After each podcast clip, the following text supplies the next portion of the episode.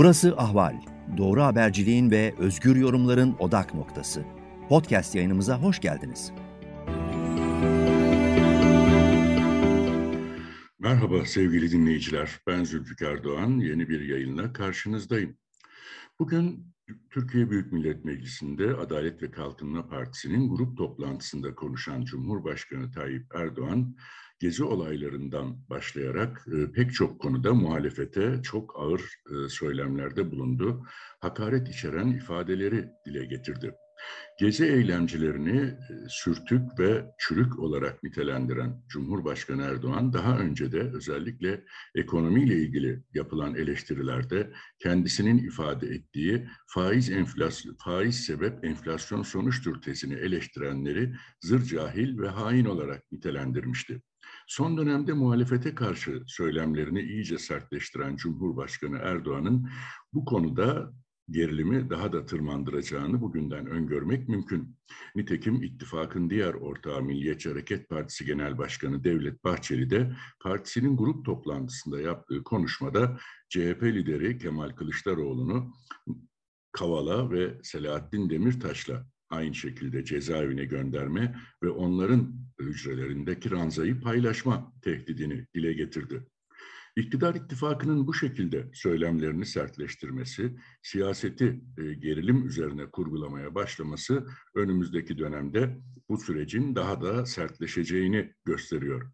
Nitekim 2019 e, yerel seçimlerinden sonra ilk aşamada Halkların Demokratik Partisi'ne mensup belediye başkanlarına karşı başlatılan e, yargı süreçleri, görevden alma ve kayyum atama süreçleri 3 yılın sonunda şimdi CHP'li belediyelere yönelmiş durumda. Son bir hafta içerisinde İstanbul'daki Kadıköy ve Maltepe belediyelerinin ardından e, son olarak da Çanakkale Çan Belediyesi'nin CHP'li belediye başkanı soruşturma çerçevesinde gözaltına alındı. Diğer taraftan e, Maltepe ve Kadıköy Belediyesi'ndeki operasyonlar sonrasında da e, bazı tutuklamalar gerçekleştirildi. İşte bunların daha da hızlanacağı, CHP'li belediyelere yönelik operasyonların daha da artacağının işaretleri AKP Genel Başkanı Tayyip Erdoğan'ın grup konuşmasında da yer aldı. CHP'li belediyelerde hırsızlık olaylarının arttığını ancak Kemal Kılıçdaroğlu'nun e, bu olayları e, belediyelerin engellenmesi olarak görerek e, sahiplendiğini savunan Cumhurbaşkanı Erdoğan, halkın e, parasını çalan hırsızdır, hırsızı sahiplenen, koruyan ondan daha büyük hırsızdır diyerek Kemal Kılıçdaroğlu'nu da bu operasyonları görmezlikten gelmekle suçladı ve önümüzdeki dönemde CHP'li belediyelerin daha fazla üzerine gidileceğinin işaretini verdi. İlçe belediyelerinin dışında İstanbul Büyükşehir Belediye Başkanı Ekrem İmamoğlu ile ilgili de bir dava vardı. 1 Haziran'da karar duruşması yapılacaktı. Burada Yüksek Seçim Kurulu üyelerine hakaret iddiasıyla yargılanan Ekrem İmamoğlu için 4 yıla kadar hapis ve siyaset yasağı isteniyordu. Ancak duruşmada mahkeme heyeti e, davayı Eylül ayına ertelemeyi kararlaştırdı. Bu da önümüzdeki e, süreçte en az 4-5 ay daha İstanbul Büyükşehir Belediye Başkanı ile ilgili yargılama, siyaset yasağı tartışmalarının devam edeceği anlamına geliyor.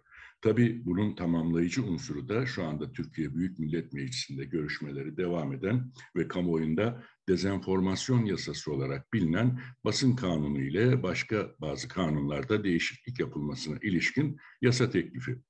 AKP ve MHP tarafından ortaklaşa verilen bu teklifle kamuoyunda yalan, yanıltıcı bilgi yaymak, toplumu kaosa, paniğe sürüklemek gibi bir takım unsurlar e, suç olarak yansıtılarak Türk Ceza Kanunu kapsamına alınıyor ve 3 yıla kadar hapis cezası getiriliyor. Bunun dışında şayet bu eylemlerin e, isimsiz kişilerce ve terör bağlantılı olarak yapıldığının tespit edilmesi durumunda da 3 yıllık hapis cezası e, bir kat daha artırılıyor. Yani 4,5 yıla 5 yıla kadar çıkabilecek bu cezalar. Bu da tabii ki gerek internet medyasında gerek sosyal medyada son dönemde e, kendi YouTube kanallarında e, seslerini duyurmaya çalışan muhalif gazetecilerin veya muhalefet e, doğrultusunda yayın yapan internet haber sitelerinin e, süratle susturulacağı, suskunluk ortamının daha da yaygınlaştırılacağı anlamına geliyor.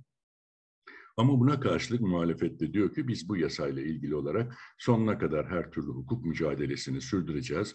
Yasanın iptali için Anayasa Mahkemesi'ne de başvuracağız ama öncelikle de iktidarın yaptığı dezenformasyonlarla ilgili de suç duyurularını savcılıklara yağdıracağız diyorlar. Muhalefet kulislerinde bu şekilde iddialar var. E, nedir bu? İşte Türkiye İstatistik Kurumu 3 Haziran'da enflasyon rakamlarını açıklayacak. Bunun öncesinde rakamların güvenilirliği ile ilgili tartışmalar yeniden alevlendi. Çünkü İstanbul Ticaret Odası İstanbul'un Mayıs ayı enflasyonunu yıllık olarak yüzde 87 düzeyinde açıkladı.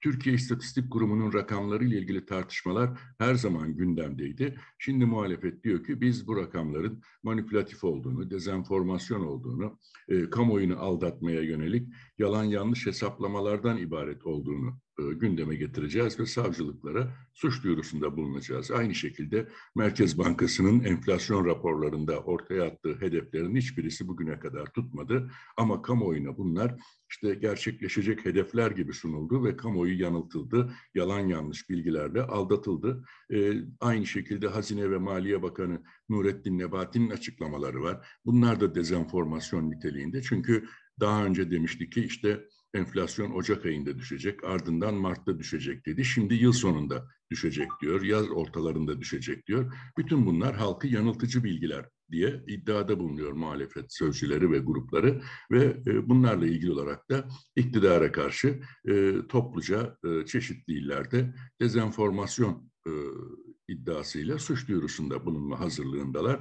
Diğer taraftan da dediğim gibi hukuki süreçte bu yasa şayet yasalaşıp yürürlüğe girerse ki kesin görünüyor. Anayasa Mahkemesi'ne götüreceklerini dile getiriyorlar. İlave olarak da Cumhurbaşkanı'nın da bugüne kadar kamuoyunu yanıltıcı bazı bilgiler verdiğini öne sürüyor muhalefet sözcüleri.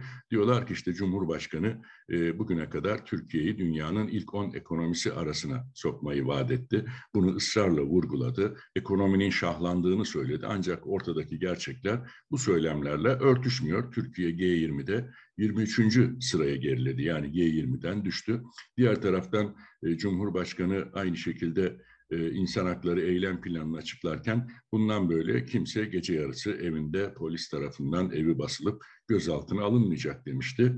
Oysa aynı uygulamalar e, artarak devam ettiği gibi son olarak e, Çanakkale Çan ilçesinin CHP'li belediye başkanı sabahın altısında evi basılarak polisler tarafından eşi ve küçük kızının gözü önünde gözaltına alındı. Bu uygulamalar siyasi muhalefeti aynı zamanda medyadaki muhalefeti susturmak için kullanılıyor. Dolayısıyla dezenformasyon yasasında suç sayılan unsurların pek çoğunu iktidar bizzat her gün işliyor iddiasında bulunuyor muhalefet.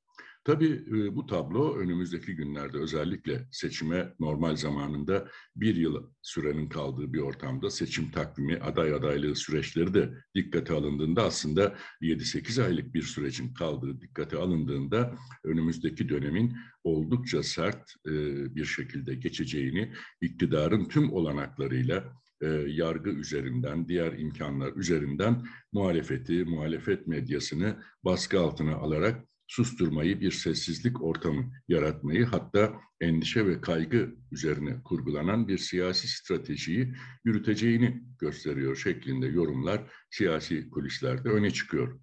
Tabii ki durumun nereye varacağını, nasıl bir sürecin yaşanacağını bekleyip göreceğiz. Benim sizlerle şimdilik Ankara'dan paylaşacaklarım bunlar. Yeni bir yayında tekrar birlikte olmak dileğiyle. Hoşçakalın.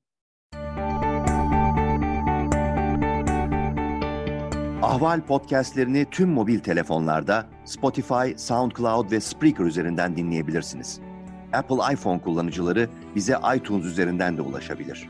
Türkiye'nin ve hayatın cıvıl cıvıl sesleri Ahval Podcast dizisinde. Kulağınız bizde olsun.